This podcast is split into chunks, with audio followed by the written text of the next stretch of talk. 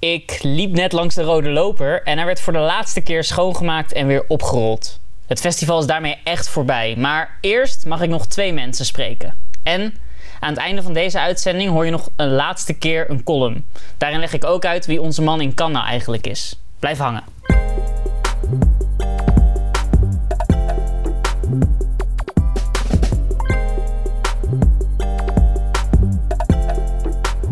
Welkom bij de allerlaatste aflevering van Onze Man in Cannes. Een podcast waarin, als je al eerder hebt geluisterd, je precies weet dat ik hier filmtips krijg van films die nog lang niet in de bioscoop zijn verschenen.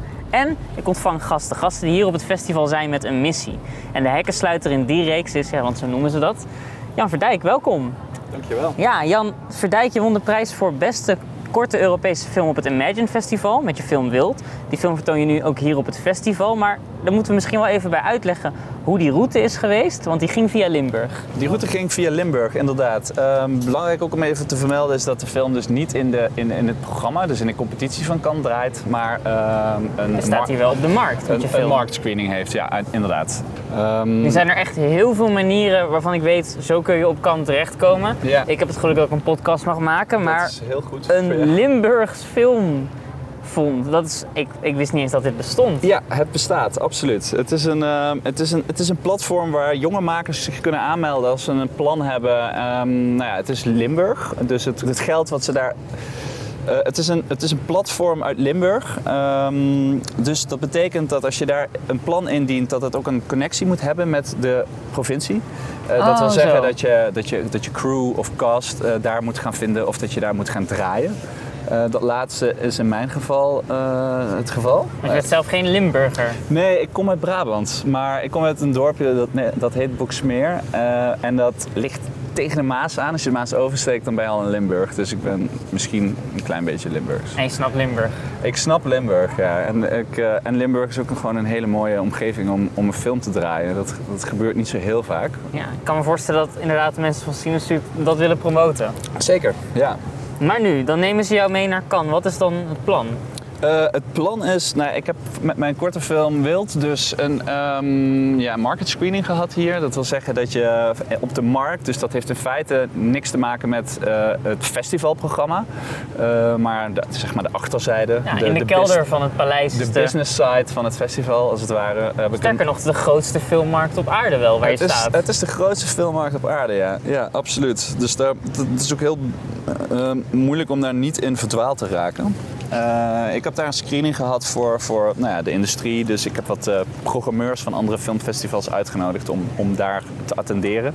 Ehm, dan wordt de film in een, in een, in een zaaltje vertoond. Ehm, samen met wat andere films van Cinesuit. Of in ieder geval films die zij hebben, ge, hebben, hebben gesupport. In de hoop om mijn film eh, op meerdere festivals eh, geselecteerd eh, te, te, te, ja, laten toch? worden. Ja. En je Ja. wil dat mensen zeggen, die Jan Verdijk, dat is zo'n goede filmmaker. We willen binnenkort weer iets met hem doen. Of iets met, ja. Absoluut, ja, ja. Alleen in eerste instantie, kijk, als ik, eh, ik vind het heel belangrijk dat, een- dat, dat, een, dat een film een zo groot mogelijk publiek bereikt. En eh, een korte film heeft natuurlijk maar een paar opties. En, en, en festivals over de hele wereld, dat, zijn, dat is eigenlijk je hoofdpodium Ja. om je korte film te vertonen. Dus als ik ehm, programmeurs kan enthousiasmeren om mijn film te selecteren eh, wereldwijd, dan, eh, dan heb ik mijn doel bereikt. ja. Had je nog meer doelen? Want dat was wel een van mijn vragen. Welke doelen stel je nou op als je naar Cannes gaat? Ja, mijn, mijn, mijn main doel was in feite het, eh, het, het, het, het proeven van het festival en het netwerken. En weet je wel, de mensen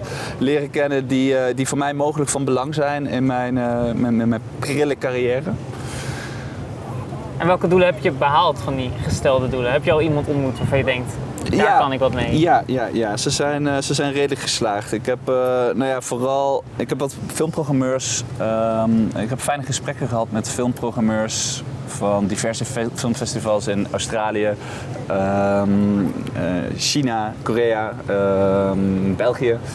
Wauw, dat is echt iets wat je volgens mij alleen op Cannes kan regelen voor je film. Ja, dat klopt. Ja. Kan komt eh, in feite de hele wereld, de hele filmwereld samen en dat is vrij uniek. Ehm, ik geloof dat, eh, dat er slechts een handjevol andere festivals in de wereld zijn die een soortgelijke markt hebben, maar Cannes is verreweg de grootste.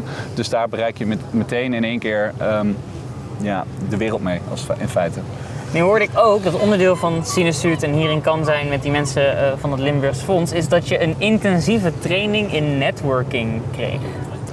Ja, die intensieve training, ik weet niet waar je dat hebt gelezen. Maar... Het stond op de site, ja, leg het mij maar uit. Oké, nou ja, een training in, in networking, ik weet niet of ik het zo kan noemen, maar um, zij, ze, ze, ze, drillen je wel om er, zodat je er klaar voor bent om hier het netwerkavontuur aan te gaan. Uh, want zij zeggen natuurlijk ook, en dat, dat, dat, dat, dat zal iedereen beamen, op een festival als dit is dat het belangrijkste wat je kan doen. En hoe doe je dat? Nou ja, vooral uitgenodigd worden op verschillende borrels. Is dat echt, het kan niet dat dat de intensive tip is. Er is, er is vast een geheim wat je me nog niet moet vertellen nu. Ik, uh, ik zal je zeggen dat het niet echt een geheim is. Het geheim is dat je bij een organisatie aangesloten moet zetten die dat voor jou mogelijk maakt. Dus die openingetjes voor jou creëert, zodat jij op de juiste borrels terecht kan komen. Ah, daar zit het geheim in. Daar zit het geheim in. En dat is, dat is wat Sinus voor mij nu heeft gedaan. Um, dus ik, ik hopte, ik ben hier sinds zondag en ik hopte vanaf dat moment tot nu eigenlijk van borrel tot borrel, van diner tot diner. En uh, nou ja, dat uh, eist ook wel zijn tol, moet ik zeggen. Ik geloof het, ja. Voordat, voordat we over die negatieve kanten gaan praten. hoe pak je het aan als je nou een specifiek persoon wilt spreken? Ik bedoel, je bent op een bol, er zijn een boel mensen. Iedereen wil bijvoorbeeld met die ene producent spreken of met dat ene, met ene hoofd van een festival. Hoe doe je dat? Hoe, hoe doe je dat? Hoe stap je af op iemand? Um, dat is een goede vraag. Het is een kwestie van, van timing en het is ook een kwestie van vooral niet te veel. Dat is een beetje een paradox, maar je moet eigenlijk tijdens een, tijdens een, tijdens een, een, een borrel of tijdens dat je iemand wil spreken, het niet over je film gaan hebben. Hè? Ja, oh, je moet het ook niet te veel over weet je wel, het filmklimaat gaan hebben. Of niet te veel als een professional um, daarover gaan praten. Want het is tenslotte wel een borrel. En natuurlijk is het een netwerkmoment. Wat en een voor gesprekken voer jij dan?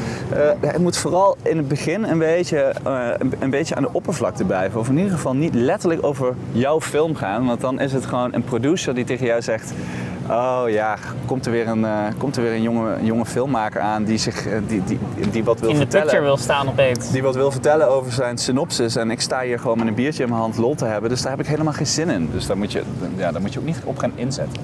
Wel gek eigenlijk van die mensen, want ze zijn letterlijk op een filmfestival met filmmakers en dan vinden ze het vervelend als een filmmaker ze aanspreekt. Ja, ja, ja, ja. Nou ja, goed, weet je, voor zover mijn ervaring hierin, uh, voor zover ik daarover kan spreken met mijn beperkte ervaring hierin, uiteraard. Uh, maar dat is wel een beetje wat ik, wat ik heb gemerkt. Netwerken is ook moet je ook een beetje leren, weet je wel. Ik ben er, volgens mij ben ik er ook heel slecht in. Ik vind bijvoorbeeld als er dan iemand ergens op een bol staat en daar wil ik mee praten, maar die persoon is in gesprek, dan weet ik nooit wat ik moet doen. Moet ik dan in de rij gaan staan en wachten tot die persoon klaar is? Of moet ik op mijn telefoon ongemakkelijk blijven zitten? Ja, dat vind ik ook nog steeds best wel lastig hoor. Wat maar, doe jij dan? Nou ja, kijk, als je, als je het een paar dagen hebt gedaan hier in Cannes, dan kun je langzaam maar zeker je weg daarin vinden. En wat, wat ik doe is op, gewoon op het juiste moment instappen. Dus een soort van al ongeschreven regel dat als er, als er, als er meer dan vier mensen uh, een gesprek hebben, do not interrupt. Maar als het, een, als het een gesprek is tussen twee of drie mensen en je vindt een stilte moment, haak je gewoon in uh, met een biertje in je hand.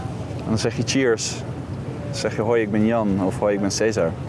En dan uh, hopelijk gaat het lopen en zo niet dan... Uh... En absoluut niet over je film beginnen, heb ik al begrepen. Absoluut niet. Zeker niet meteen over je film beginnen.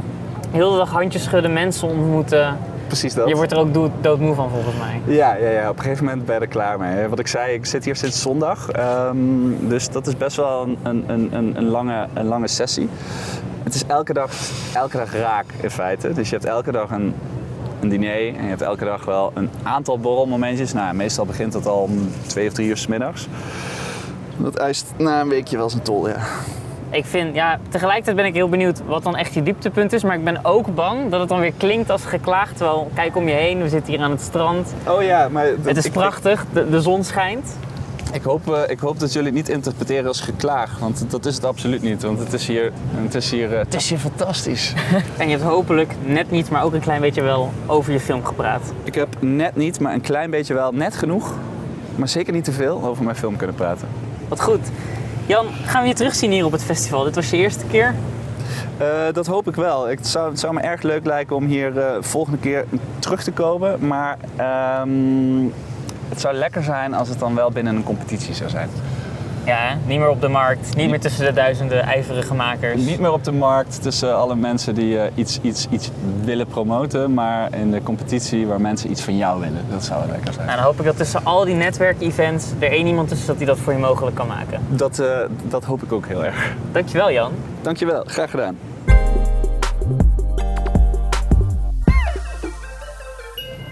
En dan, het mag niet ontbreken, een filmtip. En die komt dit keer van Noah Johannes, filmjournalist bij NPO 3. En Noah, het is echt een feestje dat je hier bent, want je bent ook nog eens voor het eerst op het festival. Dat klopt. Hoe bevalt het? Heel goed. Ja. Jazeker. Het is niet de eerste keer dat ik in Cannes ben. Ik ben twee keer in Cannes geweest ten tijde van het festival. Maar nu heb ik echt ook een ingang. Ik zit nu in het Fort Knox. En Toegang. dat- toegang inderdaad. En dat bevalt tot nu toe erg. Ja, want hoe is het festival zonder toegang? Kun je dat uitleggen voor mensen die misschien denken, ik ga een keer naar Cannes, maar ik heb geen ticket of wat dan Ja, ook? nou ja, dan zit je meer een beetje in de periferie. Hè? Dan zit je een beetje tussen de fans en de handtekeningenjagers en, en amateurfotografen die dan niet bij die rode lopen kunnen, maar net op een laddertje daarachter staan. Een heel hoge ladder om het allemaal te kunnen zien. Maar dat is ook een sensatie op zich, kan ik je vertellen. Daar maak je ook heel veel leuke dingen mee. Maar ehm, in het festival als filmjournalist is natuurlijk wel echt een stuk interessanter. Ja, zeker. En nu heb je echt films kunnen zien. Nu werk je voor NPO 3. Wat kun je dan nog iets op NPO 3 meedoen met de films die je hier ziet? Eh, ja, zeker. En helemaal de film die ik in deze uitzending wil gaan tippen. Dat is denk ik wel echt eentje die het NPO 3-publiek erg kan waarderen. Ah ja, maar is het dan niet ook dat je bijvoorbeeld bij jouw baas kan zeggen van... hé, hey, luister eens, ik heb op Cannes een parel gezien, we moeten hem op tv uitzenden. Eh, nou, dat kan. Eh, er is ook iemand anders binnen de NPO voor eh, die dat ook allemaal in de gaten houdt en dan films wil aankopen voor, voor de publieke omroep. Maar ik kan zeker ook wel tips geven op dat gebied. Jawel, mag altijd. Tippen mag altijd. Of het dan opkomt, dat is een tweede. Dat is wel een maar daar ja. moet ik dan gewoon voor vechten. Oh, perfecte baan zeg, jeetje. Heel fijn, ja. Dan, jouw filmtip. Once Upon a Time in Hollywood van Quentin Tarantino. Volgens mij de grootste film op het festival, in ieder geval qua sterrenkast. Ja, en ook qua bus kun je wel zeggen. Er was heel veel om te doen in de aanloop eh, naar deze film. En ehm, ja, wat mij betreft ook gewoon echt de smaakmaker van het festival. Waar heb je hem gezien wanneer? Ik heb hem eh, gisteren gezien. Ehm, welke dag was het gisteren? Jeetje, ik ben de dagen ook helemaal kwijt door alle opwinding en sensatie. Ehm, maar ik ben bij een, volgens mij de tweede screening van de film geweest. Dus ik was niet echt bij de grote première aanwezig, maar een, eh, een screening daarna. En ehm, ik heb daarvoor eh, lang in de rij moeten staan, want er wilden heel veel mensen naar die screening. Maar na lang in de rij staan is het gelukt om een kaartje daarvoor te krijgen. En eh, nou ja, de zaal zat natuurlijk helemaal afgeladen vol. En, maar de film was die twee uur wachten in de rij eh, dubbel en dwars was het waard. Oh ja, zeker. Oké, want Once Upon a Time in Hollywood. Waar speelt de film zich af? Waar gaat het over? Nou, het speelt zich dus af in eh, ja, een grote verrassing, Hollywood. Eh, eind jaren 60, ik geloof uit mijn hoofd 1969. En ehm, ja, het verhaal draait voornamelijk rondom een acteur, Leonardo DiCaprio, en zijn stuntdubbel Brad Pitt. En ehm, je maakt van alles met dat duo mee, maar daardoorheen verweven het, zeg maar, het verhaal rondom Roman Polanski en de verschrikkelijke moord op zijn vrouw, Sharon Tate. Die in die tijd door die eh, hele enge secteleider Charles Manson eh, en zijn enge volgelingen loodje is gelegd. Jeetje, is het dan, is het dan meteen één zo'n hele heftige moordfilm van Tarantino of is het iets anders? Nou, dat dan weer niet. Voor een Tarantino-film was hij echt verrassend elegant. Eh, ik heb zelfs, ik heb journalisten ook het woord charmant in de eh, mond horen nemen. En dat klopt ook wel. Het is eigenlijk, ik vond hem in sommige opzichten af en toe wat lichtvoetiger. Ik vond hem nou, inderdaad wat eleganter, wat, wat liever soms, wat, wat, wat grappiger ook. Of tenminste meer mijn soort van humor.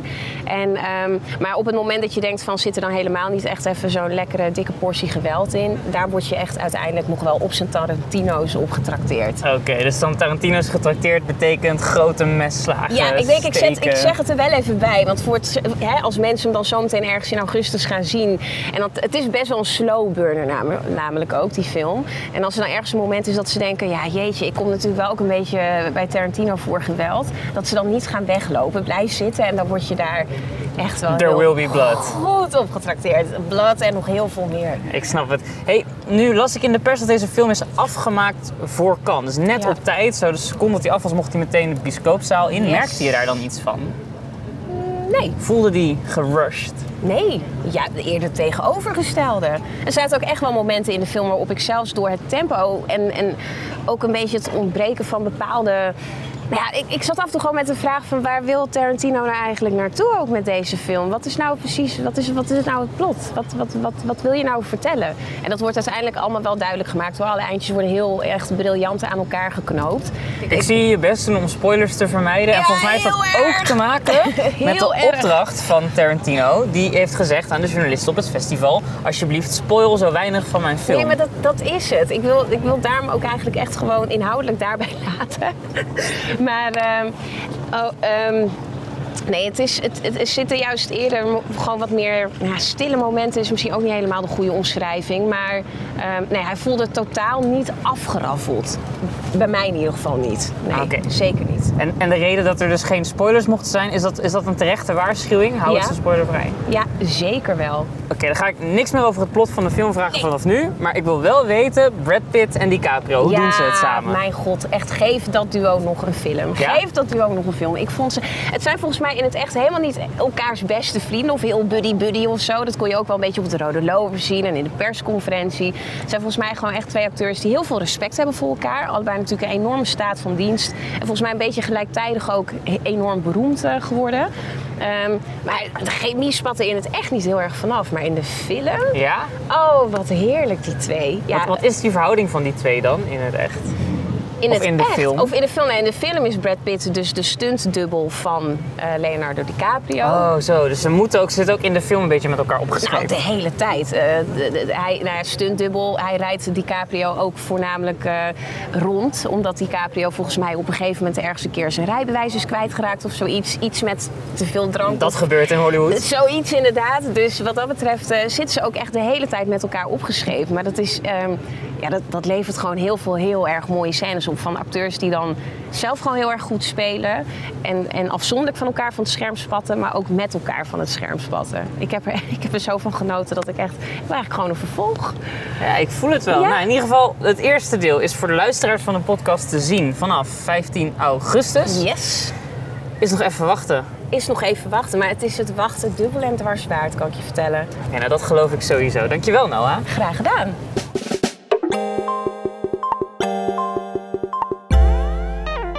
Oké, het is misschien een beetje gek op het einde, maar dit is de laatste aflevering van Onze Man in Cannes en ik heb nog steeds niet uitgelegd waarom deze podcast nou zo heet. Ik dacht, misschien goed om dus terug te blikken en te onthullen wie Onze Man in Cannes nou eigenlijk is. Bij Wie is de Mol moet je immers ook altijd tot de finale wachten om te weten wie de mol is. Onze Man in Cannes is vaak een vrouw. Onze Man in Cannes is super druk, maar wil altijd even tijd maken voor deze podcast. Onze Man in Cannes is een filmgek. Je zou kunnen zeggen geobsedeerd, maar ik zeg toch liever gepassioneerd. Onze man in Cannes is Bero Beijer, de directeur van het Internationale Filmfestival in Rotterdam, die in de podcast rustig wilde toegeven dat hij heus wel programmaonderdelen had gestolen van Cannes om in Rotterdam rustig na te doen. En hij begon ooit als producent op dit festival. Toen nog gewoon met een koffer vol flyers op zoek naar aandacht voor zijn films. Dit jaar was de borrel van zijn eigen festival, de drugsbezochte op het Nederlands paviljoen. Trouwens, nu ik er zo bij stilsta, onze man in Cannes is Lucas Dont, die hier vorig jaar nog debuteerde met zijn film Girl en dit jaar meteen in de eerste aflevering kwam vertellen dat hij in de jury zat voor de prijs die hij vorig jaar won. Ik vind het zo cool dat hij toen vorig jaar halverwege de wedstrijd van de juryvoorzitter hoorde dat zijn film de absolute favoriet was. Dat is eigenlijk volledig tegen de regels in, maar hij besloot dat hij dat dit jaar zelf ook zou willen doen. Dat hij er zich niet zou inhouden als jurylid. Een goede film kan je doen vergeten wie je bent, zei hij. Daar mag je best voor bedanken. Onze man in Cannes was hier voor het eerst. En niet bang voor de grote boten en de dure exclusieve feestjes. Het was Christine Anderton, producent bij Halal, die ooit begonnen was als line producer, zeg maar de regelneef op filmsets zoals die van Prins. En hier opeens in strakke planning zonder lanterfanten met internationale zwaargewichten aan het strijden was voor nieuwe Nederlandse films. Onze man in Cannes is ook Flo van Deuren. Ja, het is sowieso Flo. 24 jaar oud en dan hier gewoon met je afstudeerfilm en je cast vol pubermeisjes op het festival staan om dan net niet in de prijzen te vallen, maar wel gewoon je favoriete regisseur Claire Denis haar masterclass te volgen. En sowieso ook gewoon genoeg herrie te schoppen dat mensen sowieso benieuwd zijn naar je volgende film. Ja, ik ben blij dat ik onze man in Cannes heb gesproken. Want dat is ook Jaap van Heusden. Die 4 miljoen nodig heeft voor zijn nieuwe film. En met zoveel enthousiasme daarover kan spreken. dat hij in de 12 dagen dat dit festival duurt. een groot deel van dat bedrag al binnen heeft. Niet gek hoor, als je zo enthousiast verhalen vertelt. Onze man in Cannes komt uit Nederland, maar is ook Bosnisch. Het is Anna Sendierovic, hier op het festival in een zijprogramma met haar film Take Me Somewhere Nice. Ze moest terug naar huis vliegen om haar eigen première bij te wonen in Nederland. En ze had zoveel afspraken dat ik ons hele gesprek met een Nederlandse regisseur moest plannen met haar Franse agent. Ja, onze man in Cannes komt uit België. Het is Hendrik Verté, de producent van Patser en Black, die zo erg zijn kop boven het maaiveld uitsteekt dat hij nu met een zombiefilm bezig is. Een Vlaamse zombiefilm. Je weet als je hem hoort dat hij in Hollywood zou willen knallen met zijn ideeën, maar je bent ergens ook gewoon blij dat hij nog in België woont en dat hij daarom ook gewoon onze man in Cannes is. Onze man in Cannes was een buitenbeentje. Het is Cedric Muiris van Chasing Reels, die tussen het manager van de band Kensington door hier in Cannes de gekste indie-titels opsport. Niet om er miljoenen deals mee te sluiten, maar gewoon om die pareltjes uitgezonden te krijgen in Nederlandse bioscopen. Een soort Robin Hood op de filmmarkt. Dus de loper wordt vandaag voor mijn neus opgerold en ik voelde die ene speciale vorm van post-festival depressie die je als puber ook had na Lowlands of Pinkpop. De afgelopen week liepen er tienduizenden mensen over die rode loper en daar liep ook onze man in Cannes. Ik maakte onze man in Cannes met alle te gekke mensen die langskwamen en mij hun beste filmtips gaven. Ik heb het over Hugo Emmerzaal, Lieven Trio, Jan de Vries, Inge de Leeuw, Robert Blokland, Gerard Busch, Noah Johannes, Sandra den Hamer en Nick Hortensius. Ik maakte ook Onze Man in Cannes dankzij een fantastisch team van VPRO Cinema. Met redacteur Jelle Schot, eindredacteur Tibor Dekker en geluidsman Fritjof Kalf. De muziek die je hoorde kwam van Maximili en dat nummer heet Sap. Dit was Cannes 2019. Je was erbij en ik wil je bedanken daarvoor. Blijf geabonneerd op VPRO Cinema voor meer film, ook op Twitter, Instagram en de nieuwsbrief. Tot de volgende. Op, ga dingen in mijn kop. De op, ga dingen jus, heb de sap, heb de jus, heb de sap. Spring op, in mijn kop, kop. Jus, heb de sap, heb de jus, heb de, heb de sap, in mijn kop, kop. Jus, heb de sap, jus, zo.